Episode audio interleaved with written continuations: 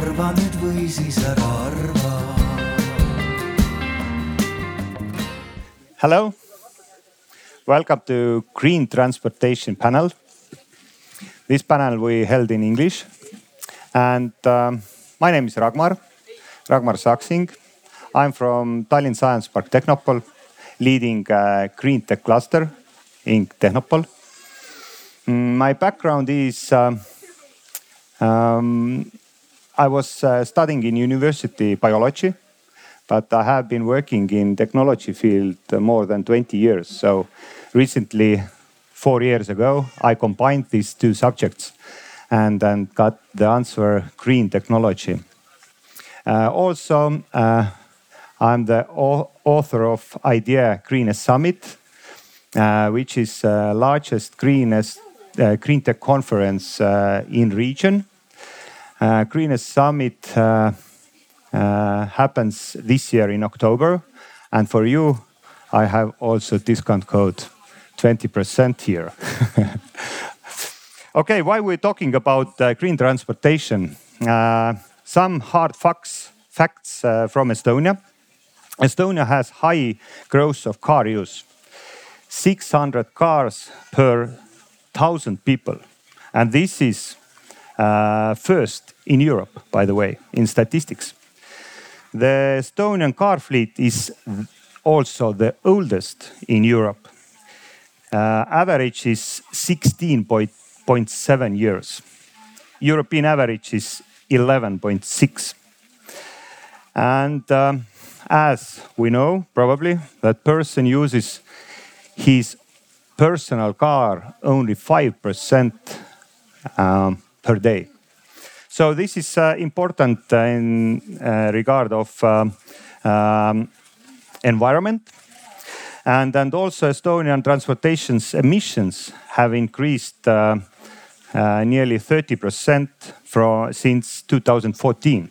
So this is very important subject and um, we are um, on Earth stage. So we are talking about how we can impact um, Earth better. Um, we have five panelists, and um, um, I will introduce them, and they also uh, around 15 minutes.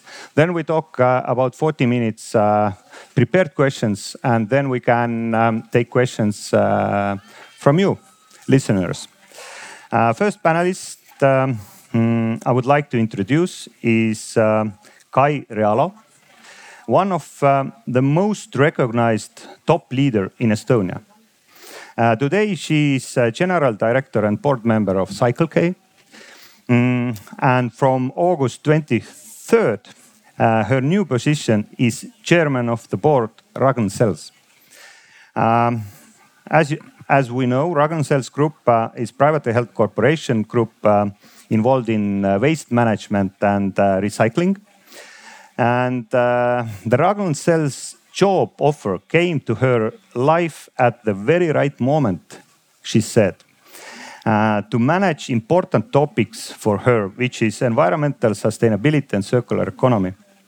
Uh, she has degree uh, from Tallinn Technical University and MBA from Tartu University. Um, and uh, we also asked fun facts uh, about every panelist. And Kai's fun fact is uh, about her graduation from Tallinn Technical University. She actually um, gained uh, uh, uh, degree about how to compile and process databases. She's programmer. However, she never done such uh, work direct, directly because uh, marketing attracted uh, her more. Please, Kai, please give you a few highlights about and main points about your connections with green transportation. Yeah, I think it's um, obvious what um, current job in uh, Circle K has uh, some touch points with uh, new green energy. First, we have this um, biofuel uh, legislation which we have to meet, uh, but uh, more or less we are also setting up strategies how to kind of converts our uh, fuel stations uh, towards to be uh, charging points for uh, electrical cars. So I can um, give some uh, input or my view on uh, what it's needed from infrastructure point of view and deep knowledge about consumers, what they prefer, how they prefer, how to kind of change their minds one step uh, in a time. So I think uh, this is something I can uh, give and be a part of his discussions. Thank you, Kai. Our next panelist would like to introduce is Fraser Creighton. Fraser is corporate fleet manager, Dundee City Council, Scotland. Fraser has worked for Dundee City since 2001. Uh, in 2011, he was appointed as transport manager um, for the newly formed corporate fleet department. Um, proactive in uh, council drive towards the um, electric vehicle, uh, the city uh, tax industry, he has uh, presented at many UK European conferences where he has articulated his knowledge and expertise in, in electric vehicles and infrastructures. Uh, those who don't know Dundee, uh, Dundee city population is uh, about 150,000. Uh, and uh, Dundee City accounts for 10% of UK digital entertainment industry, including mobile app development and gaming. In 2014, Dundee was recognized uh, United, um, by the United Nations um, as the UK's first UNESCO City of Design uh, of its diverse contributions to health, including uh, uh, medical research, comic and video gaming.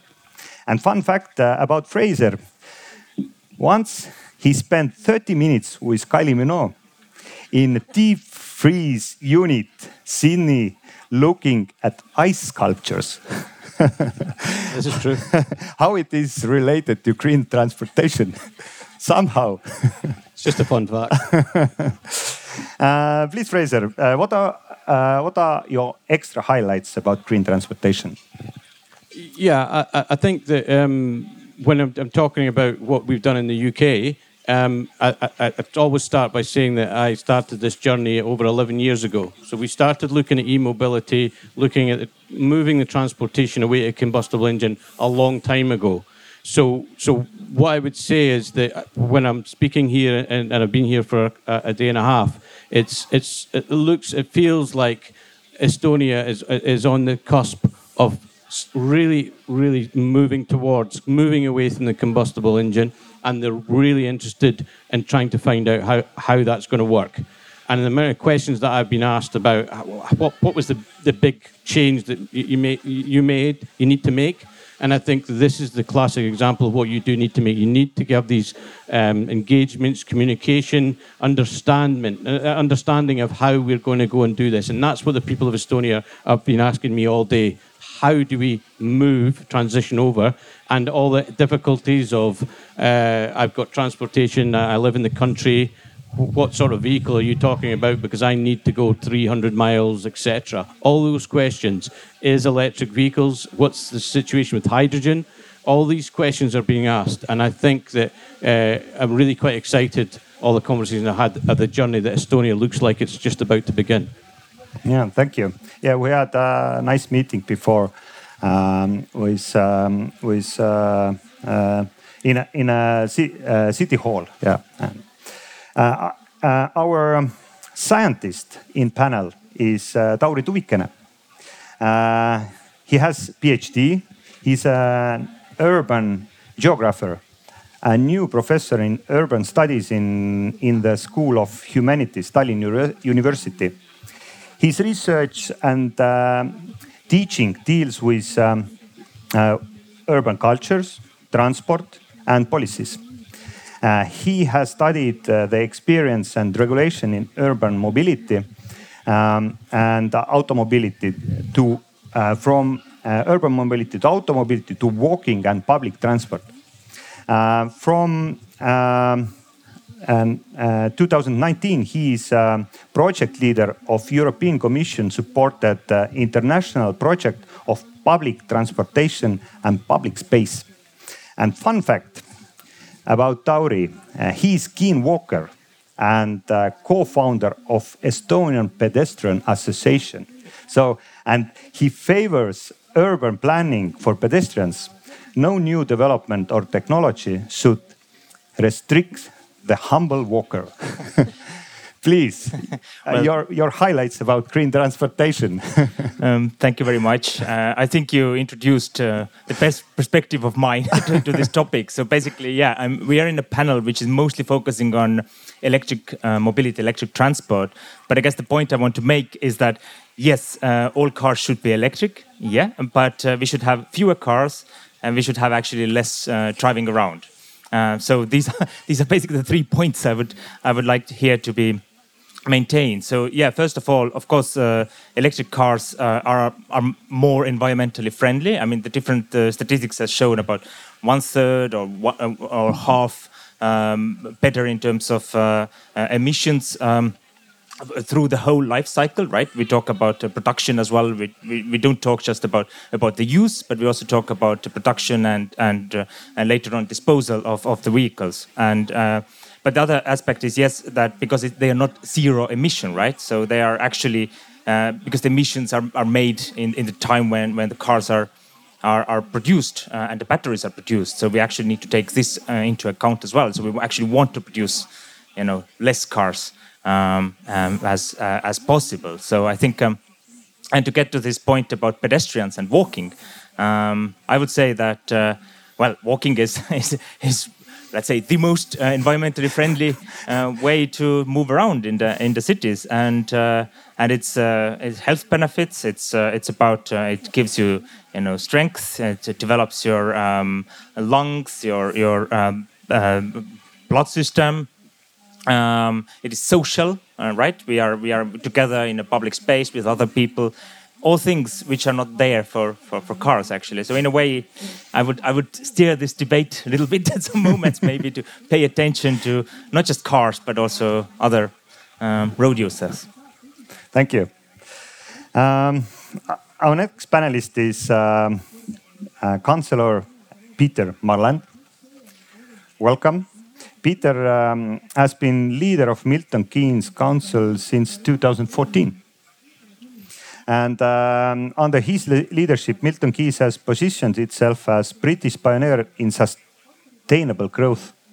And those who don't know Milton Keynes, uh, population of Milton Keynes is uh, uh, 230,000. And Milton Keynes has one of the most successful economies in UK.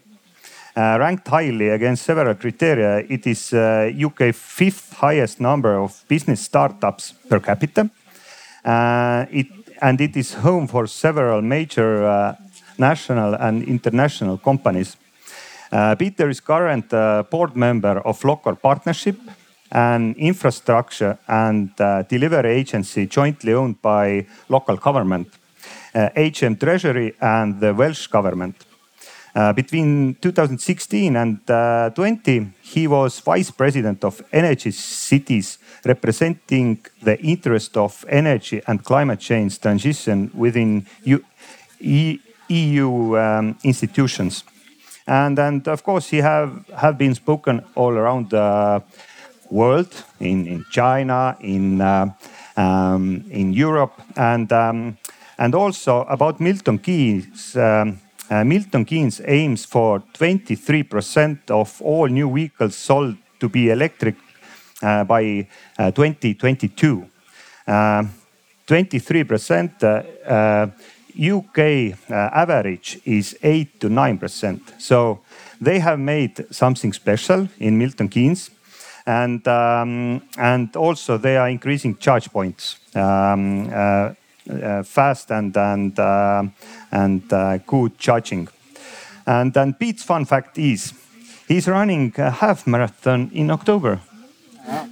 He's preparing, but he has never run more than three miles before in his life. so very good, uh, Milton. What are your uh, green transportation points you want to point out?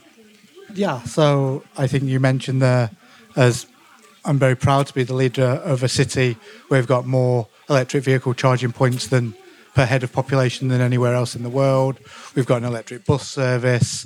We have um, a, a, an Estonian company that uh, pioneered um, autonomous delivery called Starships. You may know them. Sort of its first delivery was in Milton Keynes. So we've got great links uh, to your economy. Um, but the point I would make, and I think it's similar to your point, is transport is a means to an end. It's not a thing in itself.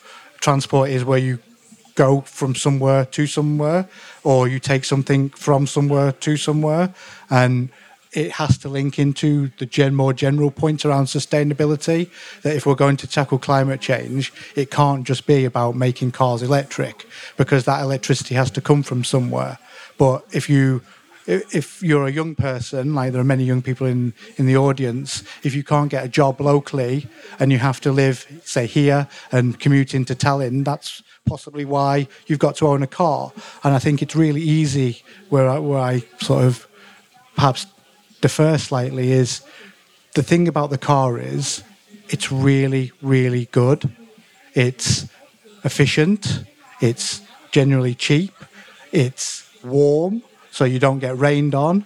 It's nice because you can get in it when you want to get in it, and it takes you where you want to go when you want to go, not when somebody else says you should go. And it's also a matter of freedom. I remember when I got my driving license, it, it was that point in my life where I go, I can go anywhere. I can. It's like I- I- freedom. it's free. It literally and and when the car became very popular in the 1970s, it, it coincided with a big change in personal freedoms as well.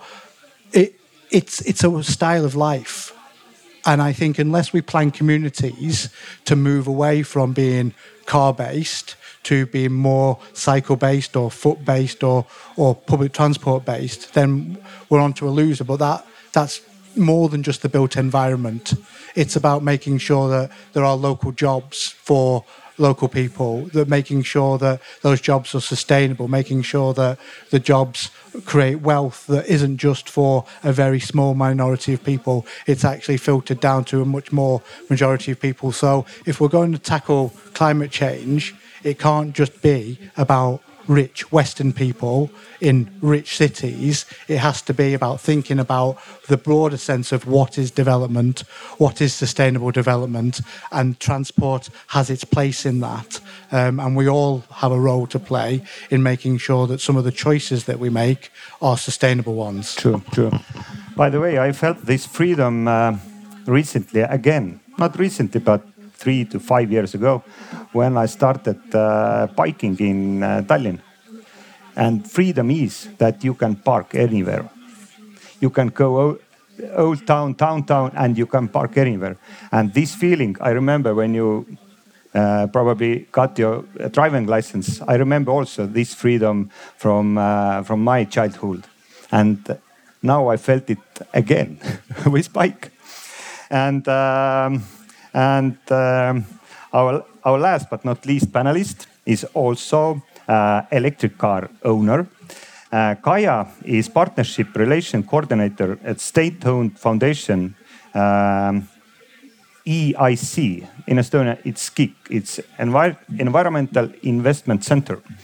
And um, uh, during 20 years, uh, the EIC uh, has um, uh, more than 20,000 uh, projects supported uh, with funding more than 2 billion euros in Estonia including energy sector, water, water management, as well biodiversity, nature prevention, and, and um, raising awareness. And uh, today's context, EIC has central role supporting the number of projects related to environmental and climate change. Also, they are uh, issuing grants for electrical vehicles. And, um, and I don't know Kaya's personal fact, uh, because uh, we had uh, we have 13th of Friday today, and we had uh, late change, and and uh, Andrus Trail. Um, um, he had to leave uh, personal reasons, and we needed to change only first name because they have same last names, but uh, they are not related. Please, Kaya. you see, that's true. yes, Thank you. You have uh, crossed uh, fun facts of Andrus. So Yeah. I have to I have to make up uh, quickly a fun fact. But before, while I'm making uh, or thinking of the fun fact of myself, a little bit of my background. Uh, my um, my uh, scientific uh, background is uh, agrobiodiversity, so a bit similar to uh, Ragnar. Uh, that uh, that to understand how how the things work and uh, and also to understand the the the, um, the meaning of innovation and technology what we will be talking about today it's good to understand the the basic stuff uh, which uh, which um, uh, University of uh, uh, Life Sciences uh, have helped me to understand. But yes, today I'm working as a partnership coordinator at the Environmental Investment Center. Um, we think um, and we believe that green transformation in all sectors, it's not um, up to one organization. Um, green coalitions and uh, and networks are needed. Uh, it's a big challenge. Uh, so um, I'm, I'm the one uh, helping to build uh, these uh, relations and networks and coali- coalitions. Uh, also, at the Greenest Summit, we will be covering topics what, what you mentioned, urban planning and, and um, green mobility.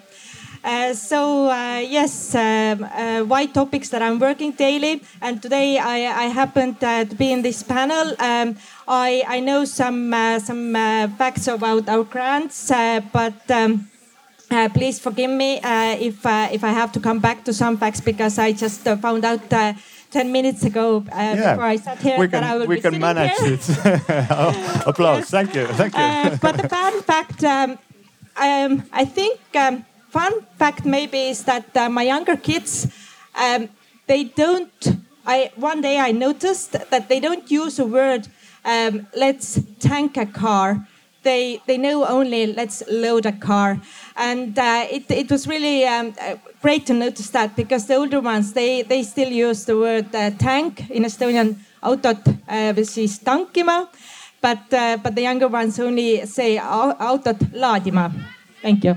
Thank you. Thank you. Yeah, now now we go to the questions we prepared and, and discussed before, and um, and uh, the main aim is uh, the collaboration between uh, two countries, also also, and then give give uh, maybe new facts and bust some myths about around uh, EVs. And um, uh, first question, I want to um, first to um, uh, um, uh, give to Kai uh, that um, uh, we think that we can decide whether we go electric or not. But uh, what is really going on in car- industry? What is really going on in industry? It's known fact that Estonians don't, uh, in Estonia, we don't produce cars. And um Kai, what do you think? Do we have to adopt or do we have any alternatives? It's a good question. I think um, my personal opinion is that the decision is already made uh, for us. Um, because as you mentioned, there is no car manufacturer in Estonia, so we have to live with a car which are imported. And if we look what the current um, kind of um, small vehicles uh, market is all for is um, more or more or less they are going towards the electrical vehicles and uh, and basically many of um, researches uh, and uh, estimations show that uh, there is estimation that uh, 40 to 50 percent of uh, new cars sold in uh, 2030 will be already in Europe electrical vehicles. So um, what we can do is basically understand how to adapt them to our current very old car park and how to transit from um, fossil fuel um, engines to kind of uh, new EV. So uh, yes, I think what um, private consumers will sooner or later have to adopt uh, this EV uh, and find a way how to charge them and etc. What happens to B2B? I think it's a bit more complicated uh, question because uh, current electrical batteries maybe are not very good for uh, extreme long uh, distances like uh, our B2B customers use, but uh, there are also other options. Yeah, it's uh, there are a lot of challenges, and and um, and challenges uh, are, are also in urban environment, and um, and I I know the fact that in Dundee. Uh, you, Fraser, contacted the city government vehicles uh, so that uh, that all city government are on electric. What were the obstacles and what were the surprises from that? Yeah, the, uh, the first thing I'm, I'll do, I'll do is, is I'm going to be controversial as ever. I'm going to say I don't regard, I don't call a, a, a electric vehicle electric car. I call it a, a, a it's a energy source on four wheels. I think we need to, to get away from the fact that we think we're just going from one mode of car to another. What we're going to is we're going to uh, a vehicle that has energy that can be put back into a building. So what you can do is you can move that energy about, and you just happen to be getting from A to B. So there's much more to this than just saying I've now got a different mode of transport. If you start understanding that, and this is the controversial bit, mostly people a lot younger than me get it very quickly. A lot of people like my dad and my generation take a lot more time to understand the way we're going forward. So there you go, half the audience hate me. But going back to your question, what we what we decided to do was um, we have a serious problem in our city of pollution. The topography of the city means that the pollution from our vehicles goes nowhere except in our streets. If we could put a dye in our the, in the um, diesel and petrol vehicles that come out of our exhaust. This includes Estonia. If we could put a dye in the back of it, tomorrow we would change to EVs. If you understood what was coming out of your cars and killing our, our population, so we went to our NHS and we got some facts of what was actually happening coming out of these cars and what it was doing to our population. We then took the bold decision to then look at, for argument's sake, the ta- taxi sector and said from the 2017, all new taxis will have to be 100% electric. And we proved that those electric vehicles could work in the city, and we made that decision. Now, I tend not to be able to get a taxi in the city now, personally, but that are the sort of bold decisions that have to be made to really drive this forward. We also looked at other sectors and my own council. I, I'm sitting now in my vehicles at, at 37% are all electric. I'm committed, and that's including bin lorries, refuge vehicles, that includes big industrial. You need to start looking at all transportation and changing now. And that, that's not getting away from the fact that I believe exactly what was just said there. The, this, this new electric vehicles is not, or shall we say, energy source on four wheels, is not the answer for everything. There is walking and, and electric bikes, etc., etc. But we have to understand this is a technology that's going to change the way that what not only we, tr- we, we get from A to B, but where we're moving all the energy, which will be, you know, we need to make sure that we are utilizing all the energy, renewable energy, as much as possible in all our buildings and all our vehicles, etc. And that that leads to uh, Milton Keynes case. What what you have done? Uh, did you also change taxes and and um, No, so we've just introduced a uh, transport on demand service because, again, you come back to how how technology is advancing transport. I I don't own a car; I lease a car, and the world will move from just leasing a car to I will have a transport. I will have a transport sort of account just as much as I might have a car. So one day I might want a car. Tomorrow I might want to get on the train. The next day I might want to get on the bus. Sure. And so we've introduced a transport on demand service, which is effectively you can go on an app, you book it.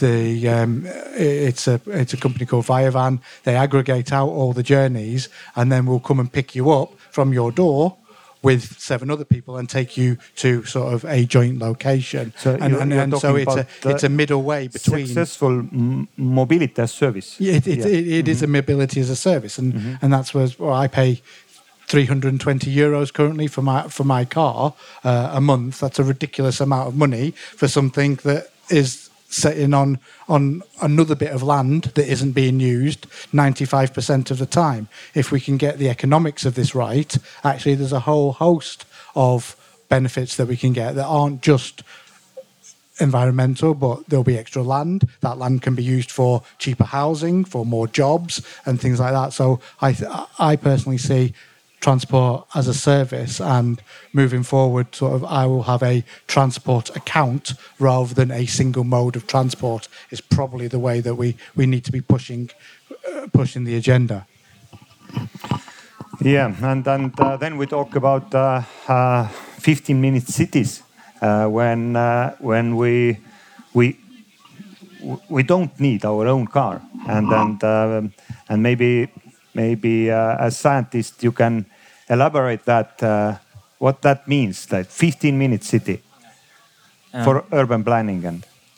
I, I guess I, I mean it, it relates to the, the connection between transport mobility and uh, and land use and urban planning. Um, that's one of the topics when I, whenever I teach um, about uh, um, mobilities, um, cities and mobilities for, for students. I emphasize, emphasize the, the interlinkage of, of urban planning and uh, mobility. Uh, and precisely, I mean, it's important that uh, that uh, you you live as close as possible to uh, your work uh, and the other things you would use are also um, um, close by. I mean, um, so if there can be 15 minutes, perfect. 15 minutes walking, 15 minutes cycling, 15 minutes public transport.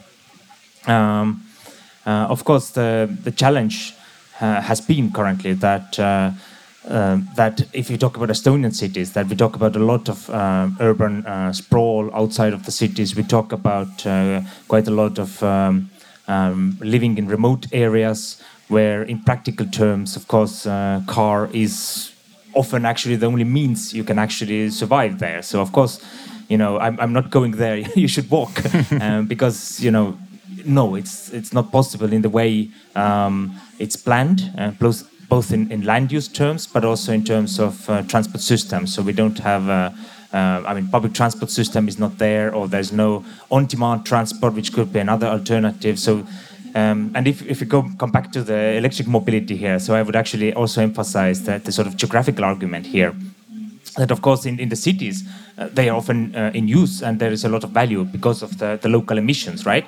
But if you want to um, find a way to make uh, electric mobility uh, and, and cars in a way more how to say uh, beneficial for society at large then we should actually uh, increase electric mobility also in rural areas and to have you know really not just focus on the cities where it's where you can cycle where you can walk where the public transport usually is good.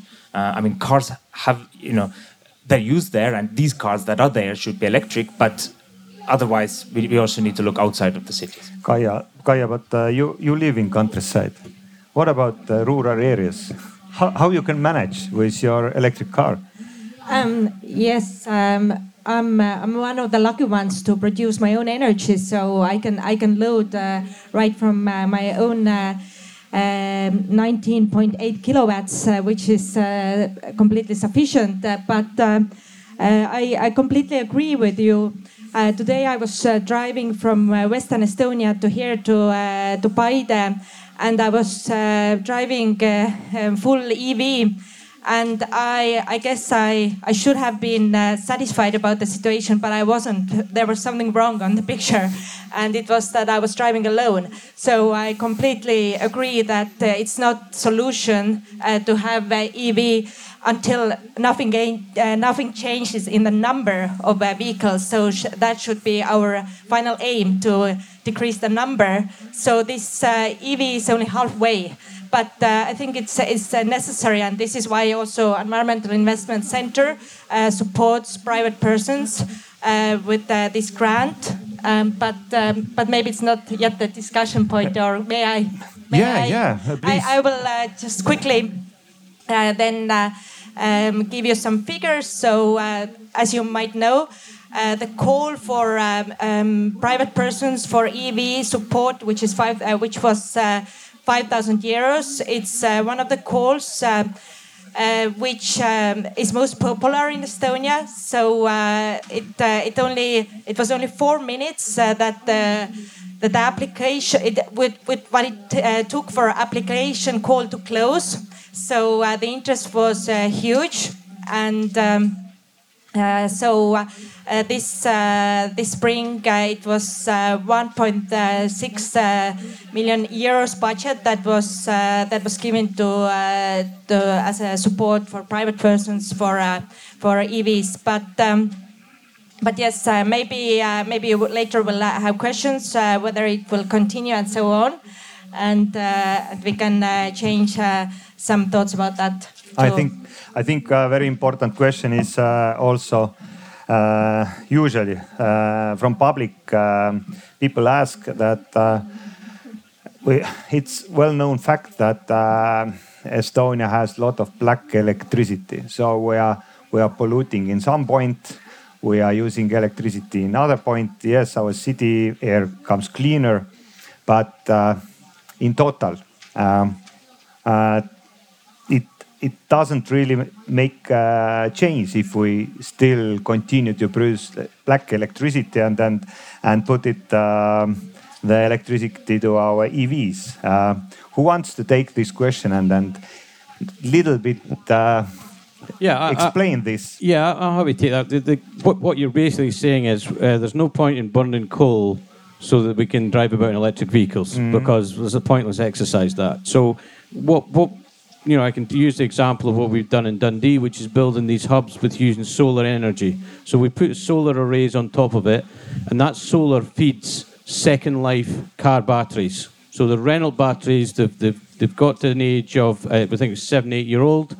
The 90, there's some depreciation. It, it, um, the, the battery is not obviously as good as it used to be. So we've now stored that, and that allows the energy from the sun to be stored. And then at uh, nine o'clock in the morning when the, the electricity is the, the dearest, that's when this uh, solar that you've generated kicks in. So it kind of peak shaves it and, and, and takes it away. So there, we've got many of these projects that you, you, you look at, and it's all about the renewable energy and connecting the whole thing together so that you're getting away from the grid. Uh, uh, so, so, so basically, what you don't want to do in the future is at nine o'clock in the morning, everybody needs their car charged and everybody needs a cup of tea, and the whole grid collapses. So we, we need to make sure that we're balancing the energy back to that energy sort of theme um, with all our future projects that we're doing. We even take it to electric bikes. Electric bikes still need to be charged somehow. It's still using energy, smaller amounts, but it's still using it. So we really need to be again going back to i'm going to be pretty boring because i'm going to use that word energy all the time.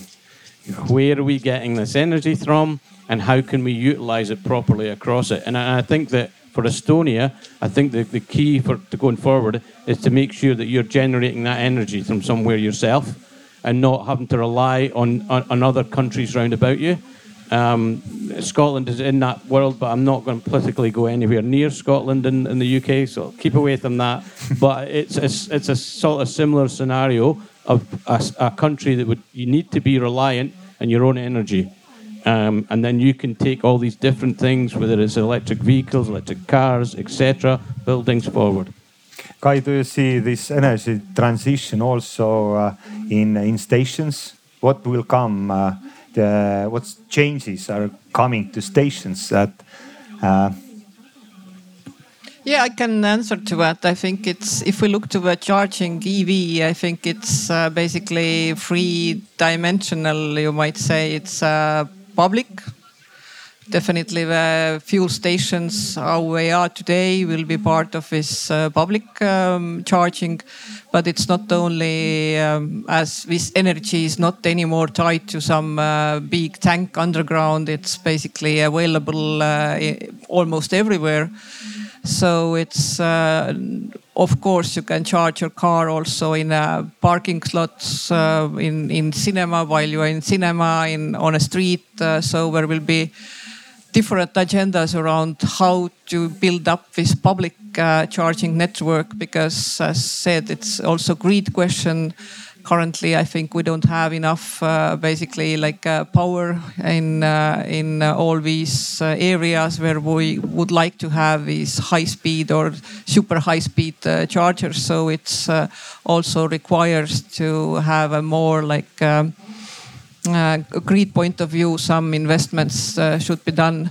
But we also have a private part, and it's a private uh, charging. It's it's not exactly convenient to just have this uh, plugged in as as normal uh, kind of um, any other appliance what you have at home. So uh, I think energy companies uh, will work hard to kind of work out very convenient charging uh, points uh, for uh, private customers, also for B2B uh, customers, etc. So there will be lots of solutions. And um, going back to the stations or the gasoline stations, like we call them today, um, my current uh, company, Circle K, which uh, European head office is still in uh, Norway. They, as Norway is like a leading country regarding EV as, as a total country. So um, also Circle K in uh, in uh, Norway has already uh, new stations where they don't have any more uh, like fossil fuel uh, tanks, so they just uh, offer uh, electrical uh, chargers.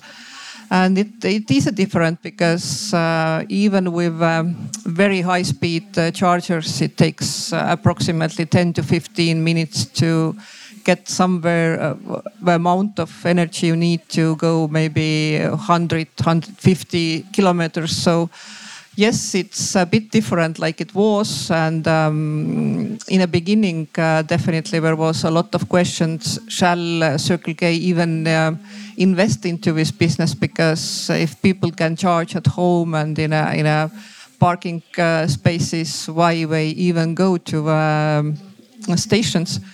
But it's uh, all about uh, what is the energy you need and how long it takes. so it's obvious that at home you will charge uh, in a low speed uh, basically the whole night to get your um, battery full in uh, in these uh, places like uh, shopping malls in a, in a parking spaces uh, you maybe have these medium speed chargers and on on stations like we have today the gasoline station on a road basically there is only sense to have these uh, extremely high speed uh, chargers, but uh, it's all about uh, how much you are willing to pay.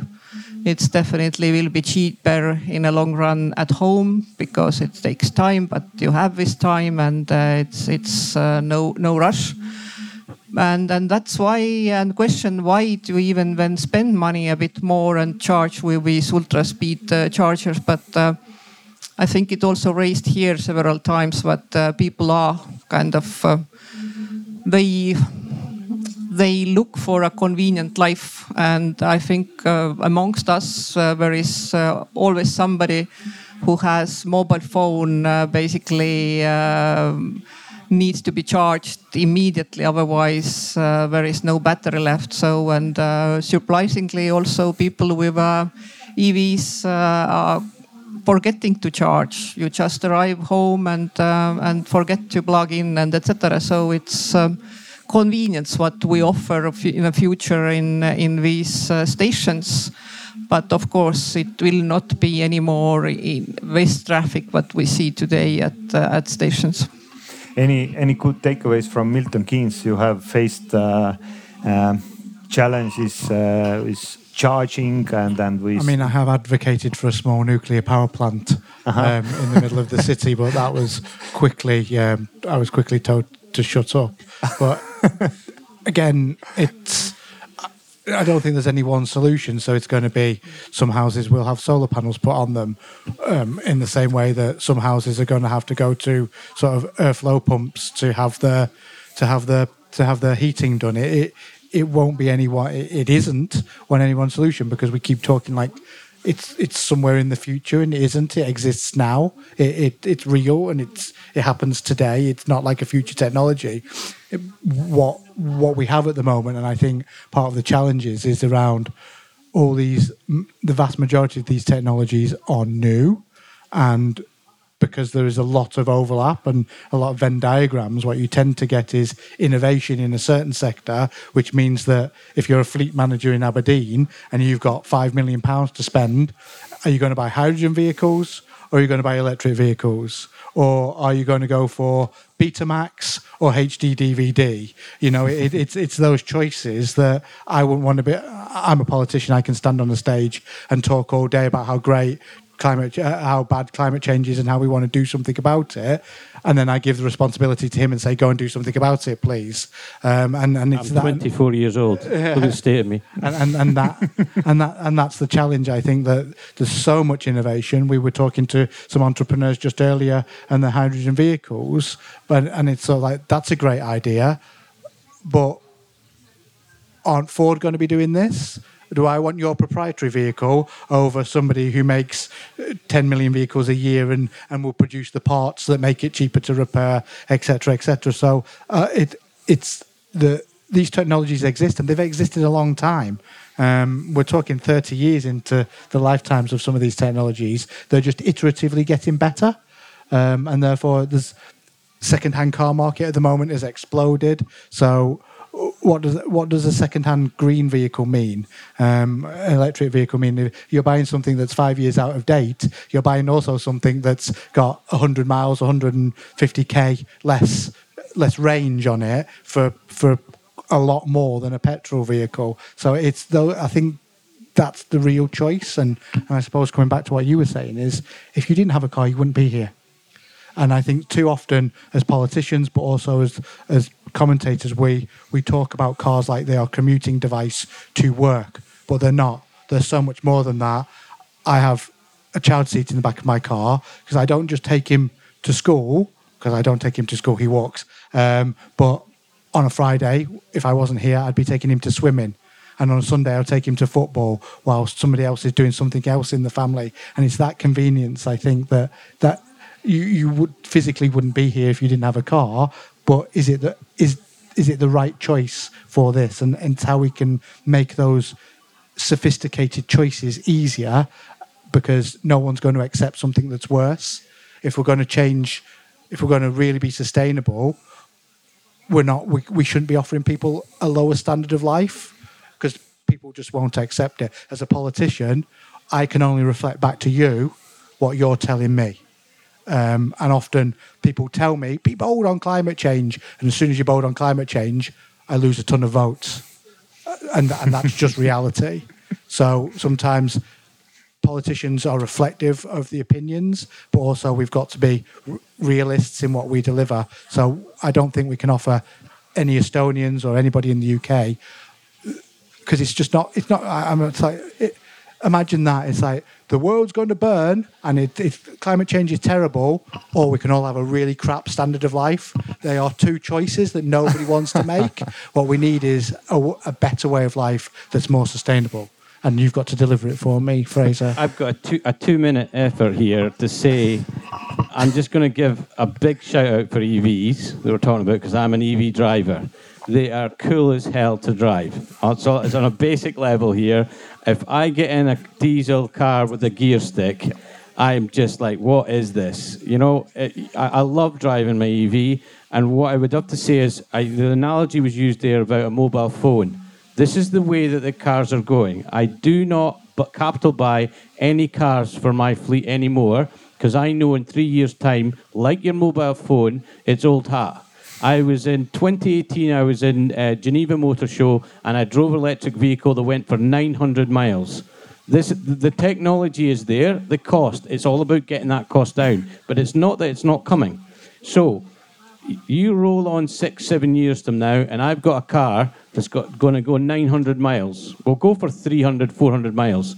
How much infrastructure do I really need for that? I will need to charge up once a week. Do I really need to go there? The technology is moving that quick. What I would say you need to do is that in Estonia, I would is get an electric car. You know, it's why we did it to the taxis, so we could basically get bums on seats so people could uh, experience electric vehicles. And I'm telling you, in about three, four years' time, the vehicles in this country, whether it's maybe second-hand cars coming from Germany, whether it's newer ones or whatever, the the the, the generation below me I'll be asking for an electric car, and in three years' time, they're going to change it for the newest one, which has got the newest gadgets, which is just like your mobile phone, and it is coming. And it is really, really good to drive. There you go. And I, I've got no shares in the EV industry, by the way. Yeah. May I have a question because it's uh, it's very intriguing uh, uh, what you were talking about. Uh, I think what we I have faced in uh, in Estonia. You said that uh, Estonians do it, but we have here like uh, scientists. uh, We have like uh, state rep- representatives. I have as a mm, private uh, owned company. We have experience from politician. We have uh, kind of uh, local municipality. So who should lead in this? like innovation implementation. I'm not talking anymore like like innovation as such, but how to start kind of implementing it. Uh, from where to start? It's uh, like uh, chicken and egg, you know. It's uh, what should be first? Shall we do this or what? So you have done it. So. Uh, you two guys have uh, in in a, living in an environment where it's basically already like a dead. I've How it He- He started? looks young. Look at me. I'm the one that's done it. I, I, partly it's about leadership, partly it's about demand. And I don't think anybody would be sitting here, and we wouldn't be sitting here unless we we cared. And so the first adopters will be here. And then it's about saying, well, this is this is much better, isn't it? And then there'll be the second adopters, and the and and then you end up you end up just by nature of business, you will end up with a, a legacy legacy chunk of people who will either never convert or or will take a longer time to convert. But it it's about leadership. It's about about making sure the right level of government is making the right investment. So, uh, it, at some point, governments will have to turn around and I give. I'm not of the same political party, but I give credit to the UK government for saying that the that, we are going to move away from the internal combustion engine from 2030, um, which is a, a, a major thing. Um, so it is happening in the UK, but at the same time, we've got to make sure that we're putting the electric electric charging points in the, in the right place. Um, but then there's there's got to be that demand. If nobody, if it, if it didn't matter, nobody would care. Um, and so it, it's ultimately, are you are you willing to pay twenty euros more for an electric car? And what's that worth? Because again, you come back to the government, it should probably be twenty euros cheaper, shouldn't it? Because in reality, we're, we're funding we're we're funding we're funding damage at the moment, and and and the reality is that damage is hidden from us. Like you say, if you put a die in the in the car, and so it is about being bold in leadership, but that might cost a little more, but that cost should be socialised. I think. Yeah, I, not, I don't want to hog, hog the, conversation, but I mean, I, I agree with all your points. Ultimately, we start from the very top. Your government has to give you a, a, a long term view of what way this the country is going to go.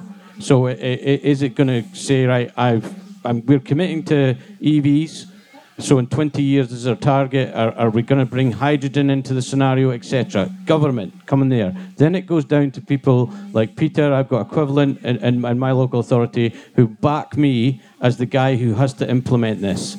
So uh, if somebody tells you what's your day-to-day job, I do strategy, I do planning. I actually put it in the ground, and then I get all the phone calls from people who complain about it not working so I, I, I've seen it all, but one thing you need to do, is, back to where I'm talking about innovation, is a flexible strategy. If I look back at 11 years ago, what I actually wrote down, what I thought was going to happen today, maybe, if I'm lucky, 5% of it is what is actually viable. The rest is absolute nonsense because technology's wiped that out, what we've done. So you've got to have a flexible policy going forward. Estonia, certainly as Estonia, will be completely different from what's happening in, in, in Milton Keynes or what's happening in Dundee. But you've got to have a, a, at least an idea of what way you want to go. Uh, and then all these people in that, what I've just discussed, have to back it and, and, and put it through. So businesses can understand that They want certainty, they want to understand where we're going. And then the biggest one is to make sure that you take your public with you. You got to tell, like what we're talking about here is why are we doing it?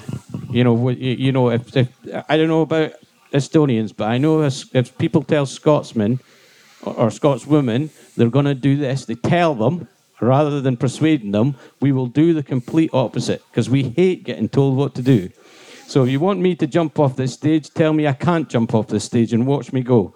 You know, so you've got to understand how people think and get people to go with you, bring them on with you, and I think that's the key to, to all this. Make sure that we're having these communications. I'd love to have seen EVs here so people could drive them. I'd love to have seen electric bikes so everybody's getting used to it um, and hopefully next year that might happen. And, and, I, and I think that would be a really good positive way forward as well. Yeah, I, I mean, I want to say here as well that at least in the, in a European Union level, the direction is, is clearly taken. I mean, the, the electric mobility is, is the future for, I mean, was it 2035?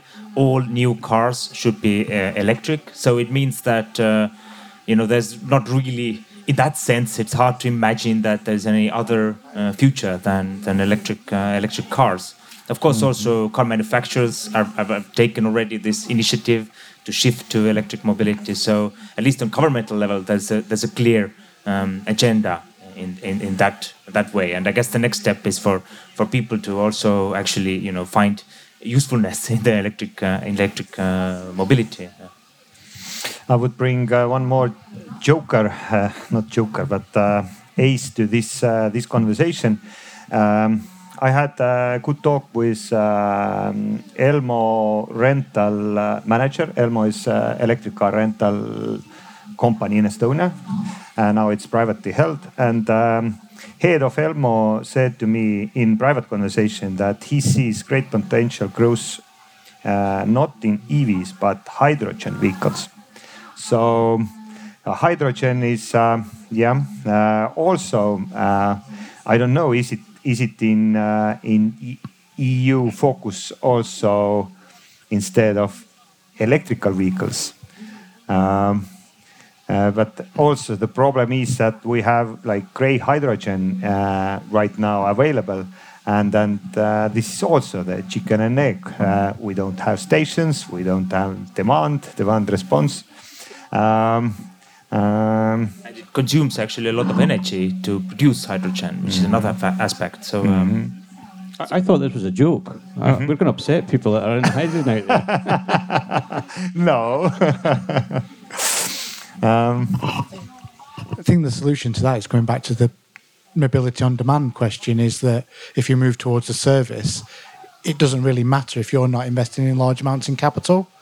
If if if you're paying your 150 euros a month and you go right i want to get from here to here please service you tell me which is the best way to get from here to here. It doesn't matter because you're not taking the risk on on the investment and that capital. And i think we're probably 25 30 years away from having sort of the infrastructure. The infrastructure of hydrogen would work best on the infrastructure of today. You'd effectively just replace petrol with hydrogen and you'd replace the engine in the car with but we're talking i think i think we're talking about more of a sustainability leap than a, than a just a, than an infrastructure change. But it to me it doesn't really matter w- what is powering that vehicle so long as it's clean energy in some ways. And if you're not taking the risk on buying the capital if, if I've not spent ten thousand pound, uh, ten thousand euros, and taken out a loan, I've got a monthly demand, it doesn't really matter because mm. somebody else is taking and taking that risk for me, and that's why fleet managers have sort of you now lease more more than you buy. Yeah, I, I think that um, I'd be a very brave man to say exactly what's going to happen with hydrogen or anyone on this panel, or or, or we can only kind of half predict the future because again the technology is moving that quick. An example of that would be you know, you, you mentioned the gaming industry in, in, in, Dundee. We've amazingly in Dundee um, destroyed the minds of young men and, and women with Grand Theft Auto and Minecraft, which was originated out of Dundee. Um, but what, what, what has actually happened is this: we, have as you can hear, we've moved to e-mobility. We've got all our taxis, we've got all these cars. We go into uh, a pub now uh, in Brewdog in Dundee and what we've created, the guy who created this Minecraft has created a game. These, um, y- y- the youngsters in Dundee will come in to drink their beer, and then they will play driving around Dundee on the wall of the pub in an electric car. you know, they're driving around here and they're getting used to it. And that, that just shows you the change over the last five years of the mindset of people thinking that you're walking in a pub and you're playing driving probably too fast, by the way, round the city in, in a Nissan Leaf, etc. And it, it just shows you how this all the, different sectors are actually coming together in this innovation. You know, the gaming industry is coming together with the transportation industry, and it's kind of all colliding together. Whereas about 15, 20 years ago, I would, if somebody told me that was what were happening, I would say you're off your absolute mind. What are you talking about? Playing an electric car game in a pub. But it's that's the sort of thing that is going on just now. And once you start this, it just doesn't stop. Uh, and I think that, that you know, I, I, I, think the way I'm feeling is um, Estonia is on the cusp of this, uh, and and especially with the the sort of startups and the tech uh, industries that you have in Estonia, you're in a great position to, to capitalize on all the things we've been talking about. Um, do we have uh, any questions uh, from audience?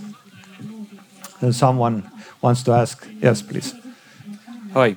Uh, is, it, is it okay? Yeah. Yep. Um, I've, I've, got more comment uh, about something Peter said earlier. that was about but kind of picking our spots uh, in terms of where and for what and, and when we use cars in, in urban areas. So, so there's that example about you not driving your child to school, but driving uh, them to, to, to swimming. So here I just it's kind of a minor point, but, but I think we need to be careful not to fall into this kind of lack of imagination trap where we assume that because we do it, you know, use use car for this kind of journey today, we need to use car for this type of journey, you know, in the future. Because uh, especially the swimming uh, example, that can very easily be solved using various kinds of uh, uh, mobility or, or, urban planning uh, methods. So, so I, I, think in in urban contexts, at least, uh, it's th there's really quite few um, types of journeys that we can't address uh, in, in, in, some some kind of urban planning or, or, or transport planning uh, way.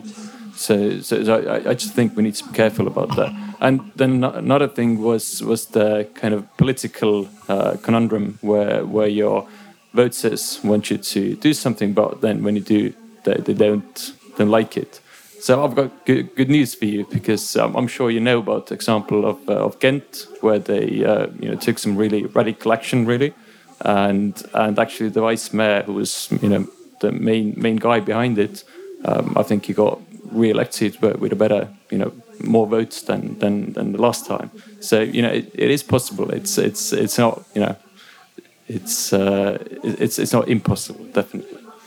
Okay, thanks nothing is impossible. I mean, we we wouldn't all be here unless somebody has great ideas. I think, and like you said, everywhere is different. I, personally, I wouldn't want to have to come out of a leisure centre that was built in the mid 1970s in Newport Pagnell, which is in the north of Milton Keynes, on a December evening when it's minus two and it's raining with a child that's just got out of a swimming pool and want to take him home on an electric scooter. It just won't work.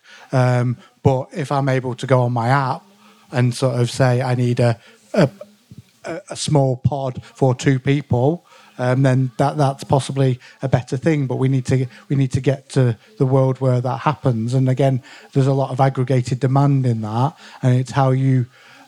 I don't personally, having attended a lot of these conferences and a lot of smart cities conferences over there, I'm I'm I don't need to be inspiring anymore. I've done my eight years, or I'm I'm into my eighth year now, um, so I can be a little bit more free. Is that is that um, I we won't I won't own a Mercedes. I will probably own a license to the Mercedes brand, and they will send me the their level of cars, etc., etc. But they're only going to do that when it's worth more to them as a business than the current business model. And we we we live in a world where I have my own views and I would really, really love to do lots of things, but some things you are bound into reality.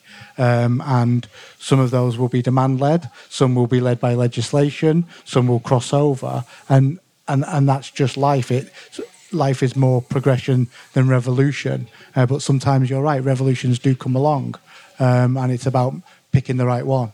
I, I, I agree with you. I think he should be more bold, and I think you should take risks because I would certainly watch election night if that's the case to see how he gets on. But I'm still thinking, uh, isn't the problem also Mil- the way Milton Keynes is planned? I mean, it's a, it's, it's a place that is really planned for cars. So I think that's part of your problem. And I, I don't know where your swimming pool is, but I, I assume that it's not conveniently located close to uh, public transport. It's not nearby you, and etc. etc. So of course, it's a huge challenge how to you know remake the city. Uh, actually, yeah.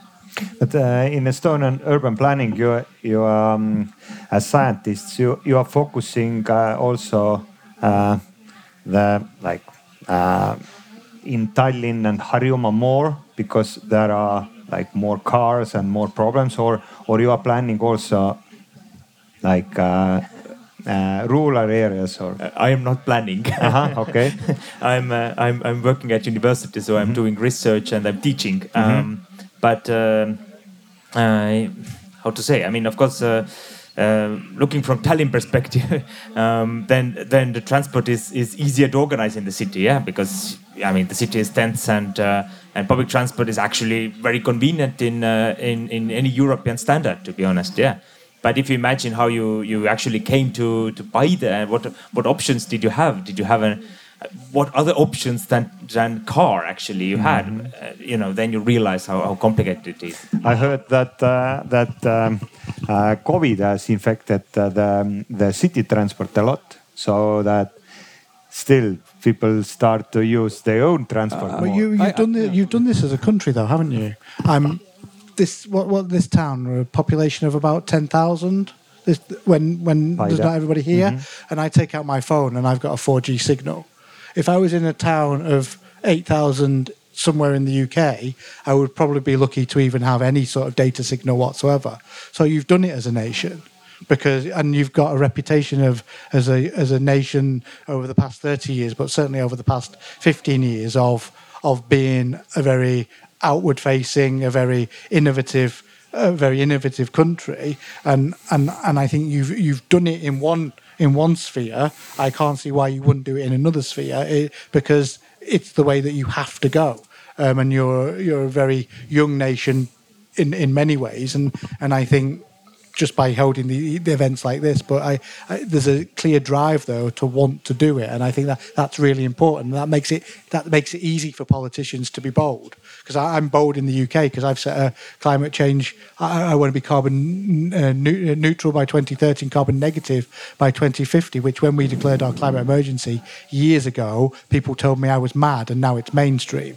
Um, and so uh, you, you have done it in one area, so why couldn't you do it in others? Kaja, you Ju- want ju- to- just just so I, I, I- we, we don't get too sorry to to get too carried away. I, I'd love to know how many people actually in the audience have an electric car. Is there anyone? Do you count?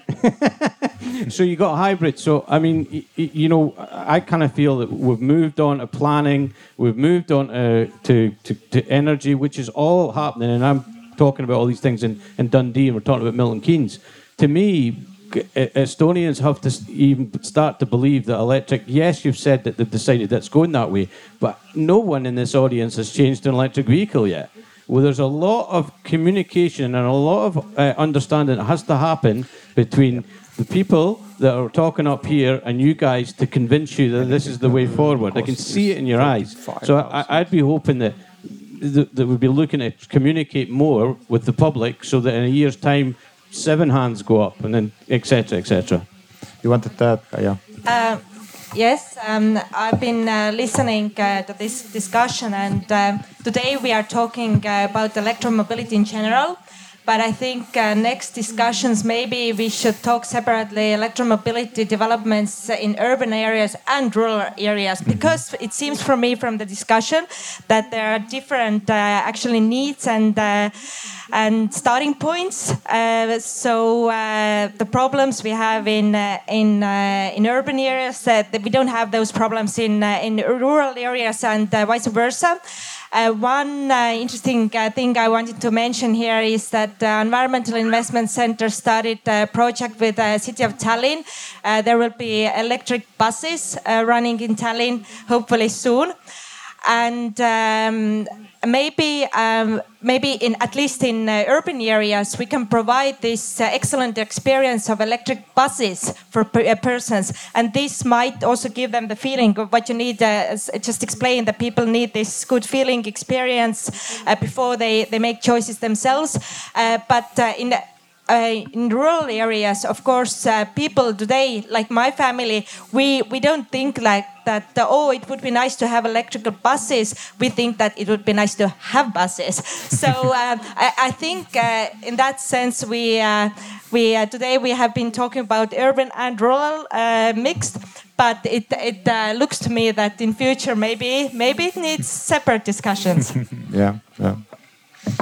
Yeah, I, I think I, I agree, but it's also um, there are in rural and uh, urban there are differences because I think in, in one hand, in uh, if we talk about EVs or uh, when it's easy to charge, because in uh, rural areas you most probably have your own house and then it's easy but on the other hand in uh, urban areas uh, yes we don't maybe need those cars but uh, also it's uh, kind of challenging to kind of uh, convince people not to have this car because it's in their brains what it gives this freedom what we already started this discussion but I, I think what is uh, most challenging is really to think about what happens to apartment uh, buildings, uh, how to really manage this uh, amount of cars, and how to make this like a community-based. Uh, uh, system how to use maybe one, two, three, four, five cars per per kind of house or building. So it's yes, I agree. It's it's not about only changing the kind of cars what we have today on on EVs, but more about uh, what is the next uh, way of uh, moving around, uh, how we do it, and how we do it uh, energy efficiently, but also conveniently. Because I don't believe in uh, things where people are pushed towards the new solutions. There has to be some convenience. People tend to believe that they have to get paid or get something uh, mm-hmm. to move but it's not uh, so clear. It's more like how I can get some kind of convenience out of this new lifestyle. And, and I think this is the question what we should ask about. Norway is a really interesting. I mean, I'll be honest. Yeah, I'd like to think that all the things that we are doing in Dundee came out of my head, but not really. I just ran about all the the world's stealing it all. Um, and, and, and Norway is a classic. With, with the head that we talked about there, Norway to try and engage the public. And I'm going to show my age here. They got equivalent of a-ha. I don't know what the, the young band that they have. It was a, it wasn't a-ha, but because uh, they're about my age. But it was a young band, and they got them four four young lads to get into electric cars, and they blogged about it every week to tell the, the, the generation, look, this is amazing. I love this car. They also got the richest man in Norway. I think he was in the forestry, and they, they got him out of his Bentley and they put him into a Nissan Leaf. And again, it was to show the public and, and to, to communicate to the public, you know, these people are driving electric vehicles, this is great. I, I admittedly, I went back to Dundee and tried to find out what's the equivalent of a-ha in, in, in, Dundee, and it was pretty. It wasn't the best band, I can assure you. And and uh, we tried to find some movie star, but there wasn't many of them either. But we got this equivalent in Dundee to drive about and, and, and talk about it. And those are the sort of things that that make it normalize it. If, if these guys who have got loads of money are driving electric vehicles, I need to start looking at it. So there was, there's all those things that you can do um, to then sort of get people to, to for themselves rather than listening to me telling you electric vehicles are a great thing. You guys need to go out and find out for yourself, and it makes it an easier job. Just a quick reflection, I think what was a very important point uh, here was that uh, you mentioned uh, this uh, guy, famous guy, that he was driving Nissan Leaf and not Tesla, yep. the the newest. So I think here's the difference because if we make them drive those cars, then again, the, the we, we don't mainstream it. There's a real danger that we overcomplicate this. I, am a politician, but I'm also a human, and I make my decisions in, in exactly the same way I make everybody's decisions. Price point, and uh, price point and sort of is that is that is that for me? You know, that, that that's it really. Can I afford it or, or not? And and does it do what I need to do? Uh, that that's it. There, there's, there's No, there is also a show-off point because I think as soon that uh, EVs are also uh, producing, they are producing SUVs as a EV cars. When Estonians are happy because uh, normal Estonian has to has the big cars. So it's and, we have and- big families. and, and that's fine. But I, I- I think the complication now comes, and you better telling me this than than I am. Is I think people are the, the electorate, my what I would call the electorate, people are cleverer than that because they realise, well, hang on.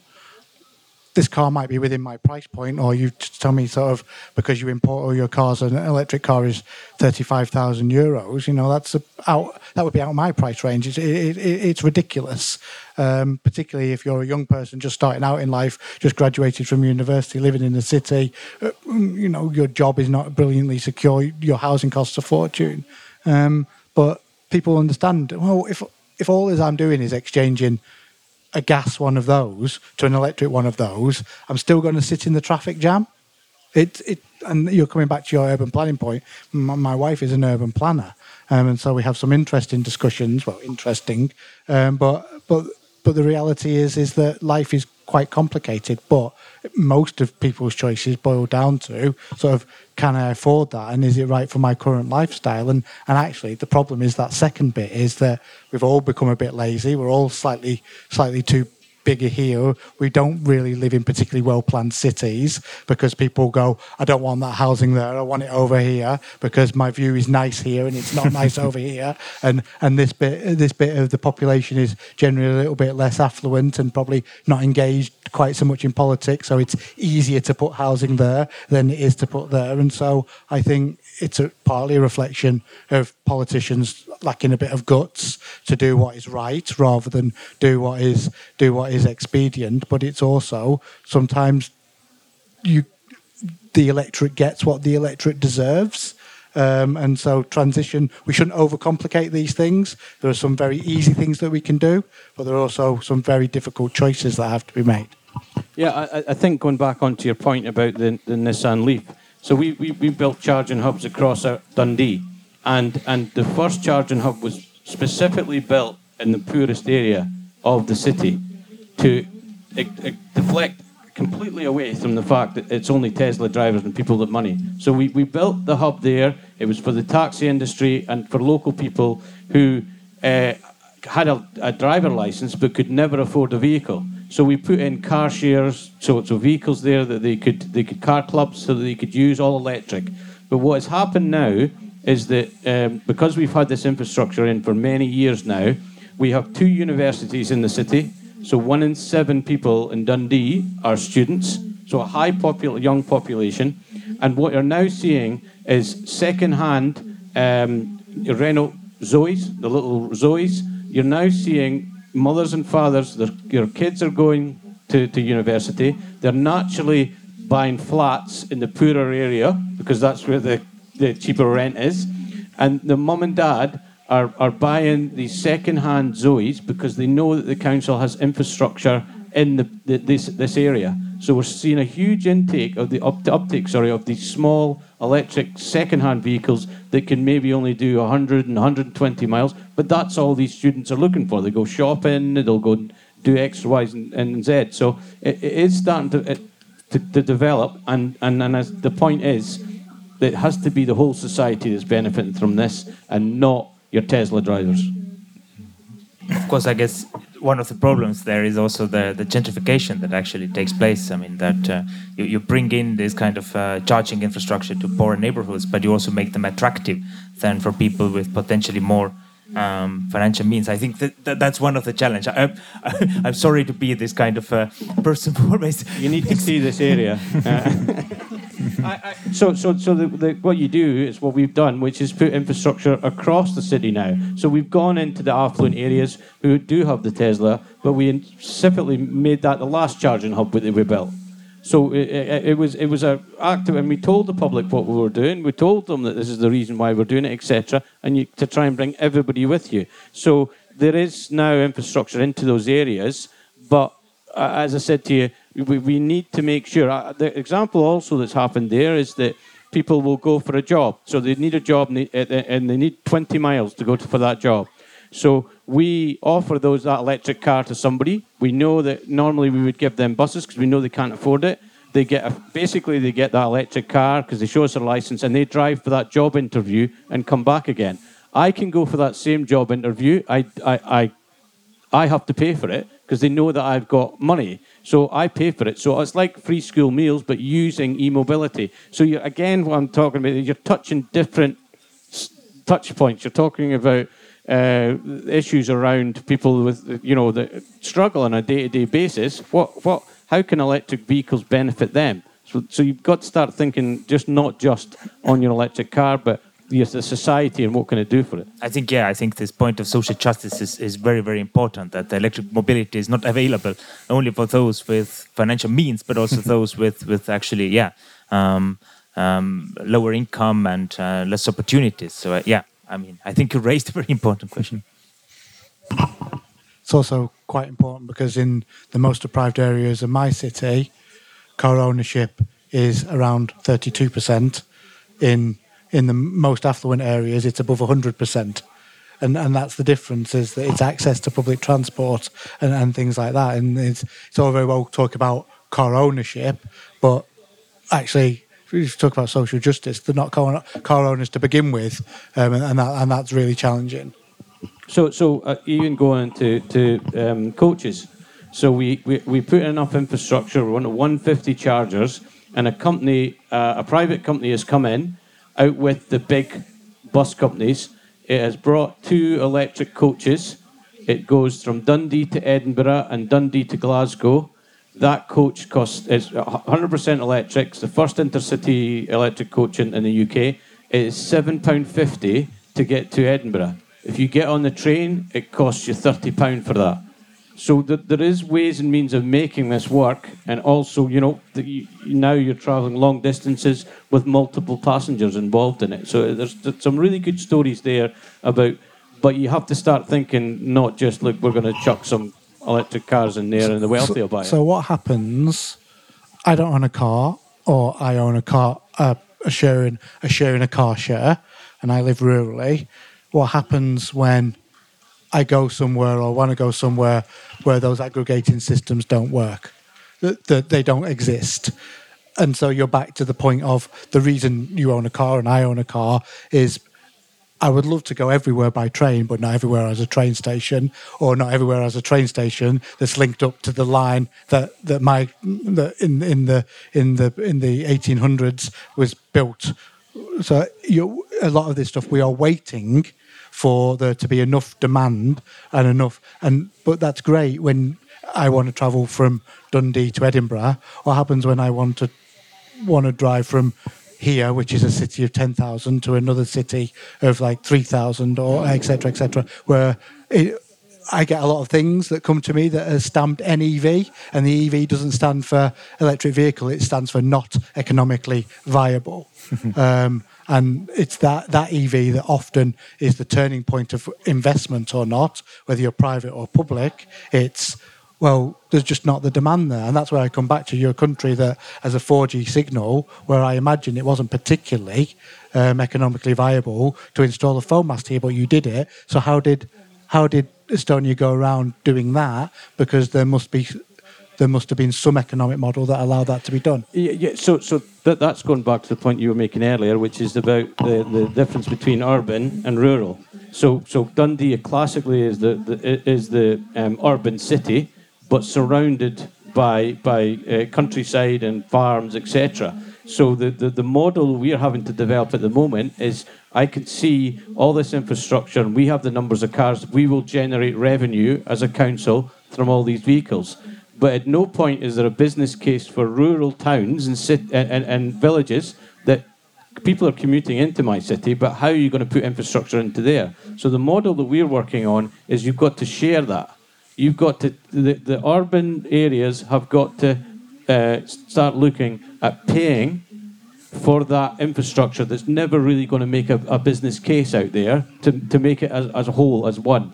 Uh, we talk about 4G. Scotland is a classic example of what happened with 4G, which we let the private industry in, in every big city in the country, uh, Aberdeen, Dundee, Glasgow, Edinburgh, we've all got 4G. But even five, six years on, the Scottish Government is still paying for all the 4G of the areas, the rural areas, that wouldn't have a business case and the, the and private industry weren't interested. We're still putting that in when you when you, turn on the TV in London and other places are putting 5G in, and we're still trying to do this 4G thing. So I think that another point I'm trying to make here is I think there has to be a private-public um, partnership to, to as a whole for the whole country. To, to, because of that aspect about rural and, and urban, and I think that, that maybe Estonia is in that sort of sphere. Yeah, I can also, I, I fully agree with it because uh, if we talk about this uh, 4G, it's uh, basically, yes, we have a very small country, uh, physically small, so it's easy to cover with uh, basically with uh, mobile networks and etc. But uh, I think currently with this EV is exactly what you mentioned before. The government has to decide as a bit uh, like a long term what will be the next energy what we will use because the private will come only because they are sure what what will be the next means because we are in a in a kind of uh, deciding point. It has been like um, gasoline and diesel forever. Like uh, it's uh, just a question uh, how many stations you want to build. So Estonia is so covered with gasoline stations that you basically can walk from another. So it's a question now: Is it a hydrogen? Is it like uh, ele- electricity? Is it uh, bioethanol? Uh, is it kind of biomethane? Whatever. So it's question about uh, is it combination of those but uh, at, at some point somebody has to say that yes we believe that the private consumption or the private use will be electricity and then it comes hand in hand but also the city planning has to do some kind of final miles to make sure that this uh, charging will be available for those who doesn't live in a, in a private housing. So Let's turn, turn to audience. Uh, does anyone has a question and comment? Uh, raise your hand and then we bring you a mic. Please. Yeah, hi, uh, me again. Uh, just a quick one uh, uh, to to Kaja. Um, do you see? The, is is there any chance that in the near future the GIGS um, uh, program to to support you know purchasing of of EVs could get expanded to also include uh, electrically supported uh, cargo bikes, for example? Is is is that in the realms of, of possibility? Yes, uh, you you seemed so close, so I, I forgot the microphone. Yes, um, so um, it was the Ministry of Economic Affairs uh, and Communications who ordered this study, very recent study. I don't know if you're familiar with this. Uh, and uh, the main conclusion of the study, uh, the study was about uh, whether uh, the system of grants uh, so far we have implemented, whether it should continue in that way or or there should be some changes. And the conclusion was that the state should continue giving grants to support EV mainstreaming. Uh, but uh, about the cargo cargo bikes, uh, that's a good question. I, I have a colleagues here, and uh, they I'm looking at their faces. Uh, did uh, did this study also cover uh, um, suggestions about um, supporting cargo bikes? I didn't. No. So my answer to you is that uh, this. Uh, so I can't uh, lean to any uh, study saying that yes, in future we will have uh, we will support cargo bikes. But I know. Uh, that this is hot uh, topic. And also my colleagues at the environmental investment center working uh, designing these uh, subsidies. They know it's a hot topic. So i, I can say that um, for coming year we state don't have a subsidy or grant for cargo bikes but it's hot topic so keep on asking. And just to support you, we gave a number of our local businesses cargo bikes, and they really do work. We we didn't subsidise them; we actually funded fully funded them, and they really do work. Good, good. Yes, please. Uh, can I ask, subject ex- exactly the same question? Your most recent round of grants, I think there was 320 that you gave out, and you said it was full in four minutes. So it suggests there's loads and loads of demand. Um, is it is it capped in terms of the vehicle that someone can actually buy with that money? So, or are you risking helping somebody to buy a Tesla? So I think in, in the UK, the equivalent schemes they only you can only use it for a vehicle up to a certain price point. And also, if if it's so popular, is is the only thing stopping you doing more of it sort of f- funding? Because I think in the in the UK, when we've run these schemes, there hasn't been a limit on how many people can apply. Um, what what if it's as serious a problem that we're dealing with as, as we all think it is in terms of climate change? When might we expect to see a, a scheme where it's just open the whole time? Uh, yes, uh, very good point. Um, this was also one of the points that the study covered that uh, it should be open this call all year round, not just uh, by one date, because this also uh, has impact on the market and on the businesses who sell these cars. So uh, it uh, in Estonian it said um, uh, uh, turu moondus. How is it in English? Market. Um, sorry. Okay. but I think it's uh, market disruption. Yes, Market but um, uh, yes, uh, I actually uh, I have to correct myself. Uh, the the grant from Environmental Investment Center it was. Um, it was for private persons and companies, so it was actually for both. But uh, yes, there are limits uh, how many uh, vehicles per company can be purchased, and uh, there is also um, requirement that uh, there has to be a certificate that green energy is used for this uh, particular vehicle purchased with a grant, and also, of course, uh, the limits uh, how how expensive the vehicle can be, and and so on. So uh, yes, uh, quite um, quite regulated in that sense. What was quite interesting was very, right at the beginning, you discussed about how Estonia keep their cars for so long. Uh, when you start looking at EVs, to really make them work, you've got to look at whole life costs. You, if you could, if you look at how long you're going to keep it up against how long you keep your diesel vehicle, then you start you can make start making. Certainly, when I would discuss vans, you know, when I look at a van, uh, the, the the new vans that come out, Nissan NV200s against a diesel van equivalent just now, you're starting to break even against that in the two and a half years. Uh, and, and if that's the, and we're talking about maintenance costs being 30% less, you're talking about, you know, general running costs, etc. Once you get to that, then you can start looking at making, yes, there's that extra cost in a, an electric van to begin with, but by the time you get to year four, year five, you've made a huge saving against the diesel equivalent. And I think, given what I heard that you're keeping vehicles longer, I think that's something that should be pushed. and- Also, and- and also battery lifetime is 200,000 kilometers, up to 300,000 kilometers. That's a that's a very long, l- eh, 10, 10 years. Yeah. Yeah. yeah. Okay, um, uh, let's uh, wrap this conversation up, and and uh, let's do it so that uh, uh, everybody has uh, um, uh, his or her personal takeaway from this conversation. Whoever wants to start. I- I'll start seeing I talk so much, so I'll let everybody else go. Um, I, I, I just uh, I've, uh, genuinely have been inspired by speaking to the Estonians today about um, that they that, they know what to do. They, they're, they're, they're, you know, they're talking about it. They, they, they want to be convinced this is the way to go. But I'm, I'm pretty sure once once this, the, the Estonians go for this, and I think Peter's been mentioning the 4G all the time here.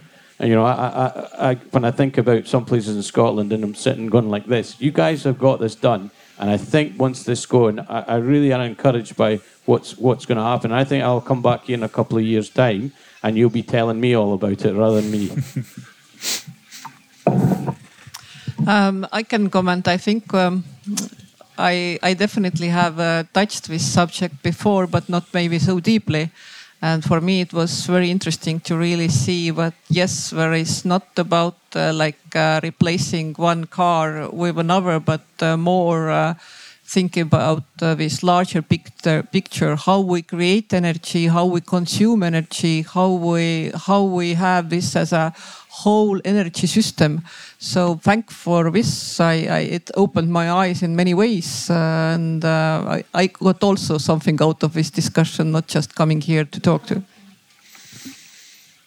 Yes, please. Yeah, I mean, I think I, I remember the, the 2G and sorry, the 4G point quite quite well from, from here. I think it was mentioned many times, but um, but I think the the point really to uh, for me, I mean, there are a lot of points, but I think the I think the which was also stressed here, the city and rural aspect, and uh, and and uh, and what's the use of uh, um, the electric vehicles in, in the different environments. I, I mean, it's something I've, I've, been thinking before, but I think it's it's it's super super crucial. And if, if you think about, I mean, the the um, Human Development Report article I wrote a few years ago uh, we, we, we, divided it between different uh, uh, geographical areas. Right? We talk about city centers, we talk about uh, urban uh, areas, and we talk about rural areas. And I think in Estonia, it's it's really important to actually pay attention to to yeah exactly not just cities but but rural areas as well. And I think, I mean, how to deal, how to adapt uh, electric vehicles to to also these kind of circumstances. I think that's that's something I think we should definitely look into further. Kaia, please. Uh, yes, um, uh, it was um, this summer that um, there was a piloting program uh, launched in uh, in Estonia, in uh, island of Saaremaa, in Sõrve Peninsula, uh, about demand transportations. They are now piloting there, um, and it was a big news. And this today's discussion uh, confirmed me that uh, maybe next piloting should be combined uh, electric uh, mobility and demand-based transportation. So we have done already one step. We are piloting this in Saaremaa. So maybe next thing would be combined EV and demand-based transportation. Yes, Peter. Uh, I think the thing that struck me most is when Fraser asked the question, "How many of you own an electric vehicle?" and only the British ambassador put his hand up. Um, the, the, but the reality of why we're all here is really quite serious.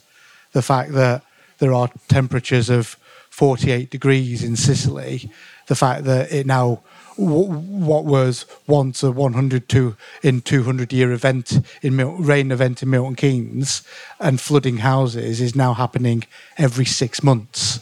The fact that we have forest fires in Greece, the fact that bits of California are now the driest they've ever been. Climate change is not in the future. It's not something that is about my six year old boy, it, because it's always about, let's, will someone please think of the children? It's, it's now, it's happening today. It, and actually, action needs to take place soon, but it needs to take place now. Um, and therefore, we, as a panel, we can sit here and, and have ideas, but it's worth nothing unless there's an outcome from it. And the outcome, I think Fraser has put it better than I ever could, and I think all the panel did is go and buy an electric vehicle if you can, because it will make a difference. Everything makes a difference. If I, I always tell this story about why do I why do I tell my little boy to switch the light off? Because one light, he always tells me one light doesn't make a difference. One light doesn't make a difference. But if my ne- if his his light's on and my neighbour's light's on, that's two. If they're both switched off, that's two. If the street is switched off, that's fifty. If the town is switched off, that's fifty thousand. If the country is switched off, that's five hundred thousand. And if you know if the European Union switches off one light every in, in every room, that's millions. And so we all have a responsibility to go out there and do because climate change is here and it's happening and it is now and the effects are being felt by populations today. So go out and buy an electric vehicle if you can because it will make a difference. I will do. I that was my final conclusion. I'm actually planning to buy a new car and you convinced me. so so so if, if you don't have an electric car, I'm inviting you to Dundee, and you come over to Scotland. I'll get you an electric vehicle, and you can come and see the best football team in the world in Dundee United. thank you. Uh, thank you, uh, British Ambassador. Thank you, British Embassy, to put this um, panel together. And, and I know that uh, they want to thank also our panelists as well. So please give uh, a big applause.